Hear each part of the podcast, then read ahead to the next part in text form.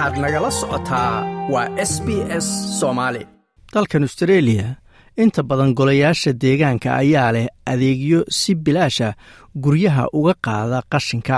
Laakiin waxaa jira shuruuc la xiriirta nooca qashinka la ogol yahay iyo wakhtiyada la qaadayo. Halkan waxaannu idinku soo gudbinaynaa wax kasta oo aad u baahan tahay inaad ka ogaato sidii alaabta aadan u baahnayn lagaaga qaadi lahaa si ammaana oo mas'uuliyadi ku jirto.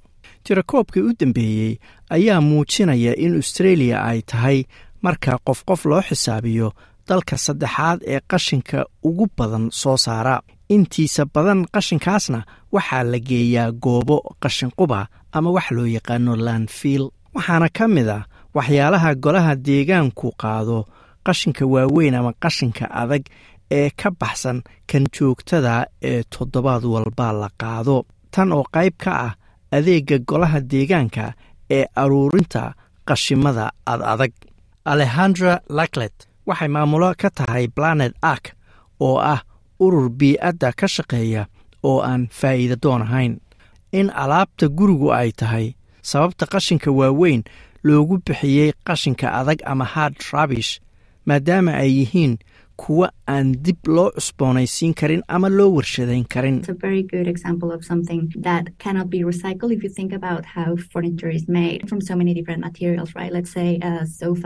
Taas ayaa tusaale fiican u ah waxyaalaha aan dib loo cusboonaysiin karin ama loo warshadayn karin. si alaabta guryaha sida kuraasta iyo miisaska oo laga sameeyo qalab kala duwan. tusaale ahaan kuraasta fadhiga waxaa dhici karta in qaybta hoose ee fadhiga laga sameeyo alwaax kadibna lagu wareejiyo maryo kadibna suuf lagu guro. Marka macquul ma aha in dib loo isticmaalo ama dhaqaale ahaan macquul cidna uma aha. Marka sidaas daraaddeed waxaa la geeyaa qashinqubka golodeegaanka blacktown city council oo sydney ku yaalla waxay ka mid tahay kuwo badan oo austareeliya oo dhana oo leh adeegyo aruuriya oo qaada qashinka ad adag oo aan dib loo isticmaali karin ama dib loo warshadayn karin.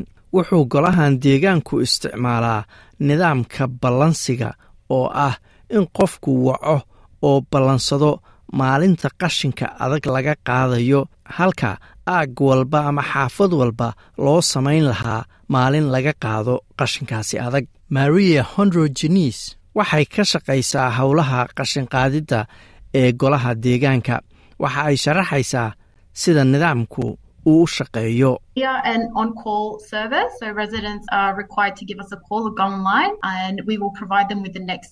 Waxaa nahay adeeg ku shaqeeya dadka oo soo waca.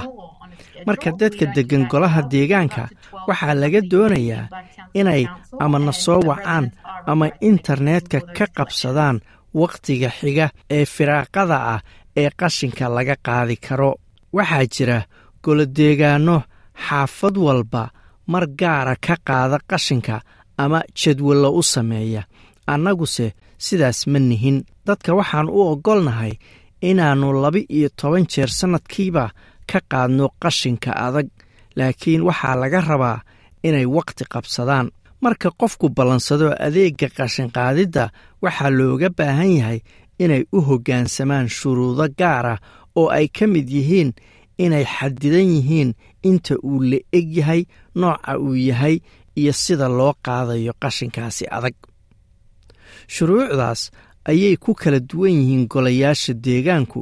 Marka waxaa fiican inaad ka hubiso golaha deegaanka aad deggan tahay haddii kale waxaa dhici karta in lagu ganaaxo miss hondrogenes. Ayaa iftiiminaysa mid ka mid ah shuruucda ugu waaweyn ee golaha deegaanka blacktown iyo kuwo kale The items cannot go on the nature strip until one day before the collection date, and this is to reduce things such as neighbours illegally dumping. qashinka dibadda ma dhigi kartid inta laga gaarayo maalin oo keliya ka hor maalinta lagaa qaadayo waxaa looga dan leeyahay in lagu yareeyo waxyaalo ay ka mid yihiin derisku inay si sharci darro ah alaab aan la oggolayn iyaguna soo dhigaan bannaanka oo ku daraan qashinkaaga taas oo sharci darro ah. Haddii ay dhacdo in qof uu u hoggaansami waayo shuruucdaas waxaan isku daynaa inaannu marka hore dadka baraarujinno oo aan waxbarno oo u sheegno inay sameeyaan waxa saxda ah oo raacaan sharciga.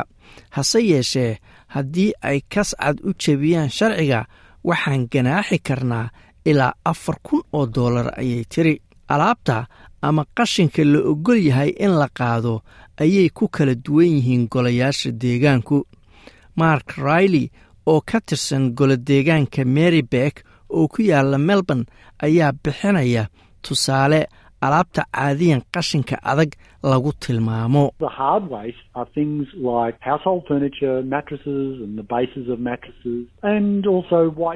qashinka adag waa alaabta sida alaabada guryaha la dhigto oo firaashku ka mid yahay ama joodariga alaabta loo yaqaan kuwa cadcad sida makiinadda dharka lagu dhaqo tan maacuunta lagu dhaqo tallaajadda qaboojiyaha iyo roogga biraha iyo alwaaxda iyo muraayadaha. Alaabta qaarkeed laguma tilmaami karo qashin adag waxaana ka mid ah qalabka dhismaha.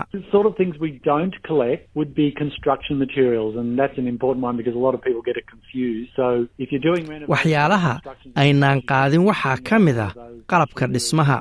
waa arrin muhiima tani sababtoo ah dad badan ayaa ku wareera. marka haddii gurigaaga aad dayactirayso ama qayb dhisayso waxyaalaha burburay ma aha inaad dibadda dhigto waa inaad geyso ama ay kaa qaadaan adeegyo kale oo qashinka noocaasoo kala qaada. Sidoo kale ma qaadno kiimikooyinka saliidda ama shidaalka sunta ama rinjiga victoriya ayaa ka mid ah maamullo mamnuucaya in qalabka elektaroniga ah la geeyo qashinqubka weyn maadaama ay ku jiraan aalado sun ah tan ayaa macnaheedu yahay in golayaasha deegaanada gobolku aysan aqbali doonin qashinka elektroniga ama wasaqda elektroniga ah marka ay qaadayaan qashinka adag.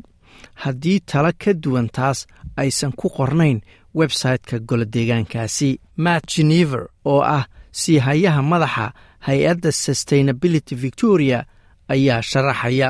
E-waste, which is defined as anything with a plug or a battery or a power cord, it's not allowed to be sent to landfill. qashinka elektroniga ah ama waxa loo yaqaano e-waste waxaa lagu qeexi karaa wax kasta oo xarig koronto leh ama bateri ku jiro lama oggola in la geeyo qashinqubka weyn. isku sharci ayaa dalka oo dhanna ka jira meeshaad doontaba ka jooge ma aha inaad waxyaalaha elektroniga ah ku riddo qashinka guriga laga qaado caadiyan. Marka waxyaalaha sida telefishinada bateriyada timaqallajiyaha qaboojiyaha waxaa loo baahan yahay in meelo gaar ah la geeyo. Master genever ayaa sheegay in xarumo qashinka lagu kala guro oo golodeegaanku leeyihiin ay yihiin meelaha laga eego marka aad raadinayso xarun aqbalaysa qalabkaasi elektroniga ee aad tuurayso.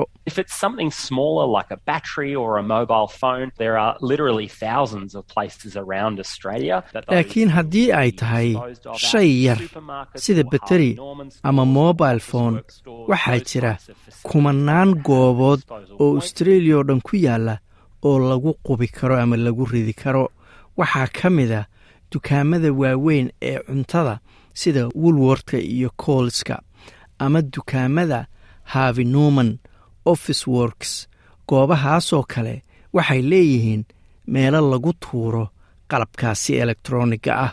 Rinjiga ayaan inta badan la aqbalin in lagu daro qashinka adag. Rinjiga aan loo baahnayn waxaa lagu tuuri karaa meel la yidhaahdo baintback oo ah adeeg dalka oo dhan ka jira oo la- lagu tuuro rinjiga aan loo baahnayn si looga leexiyo in la geeyo qashinqubka ama uu galo biyomareennada gobollada kala duwan ayaa wada ama leh barnaamijyo lacag la'aana oo si ammaana lagu qubi karo waxyaalaha sunta ah oo ay ku jiraan kiimikadu. Miss genever ayaa sharaxaya sababta ay tahay in qalabkaasi si gooni ah oo mas'uuliyadu ku jirto loo tuuro ama loo qubo. Chemicals like cleaners, bleach, even nail polish removal can be hazardous products and definitely kiimikooyinka sida kuwa wax lagu nadiifiyo warankiilada iyo xataa waxyaalaha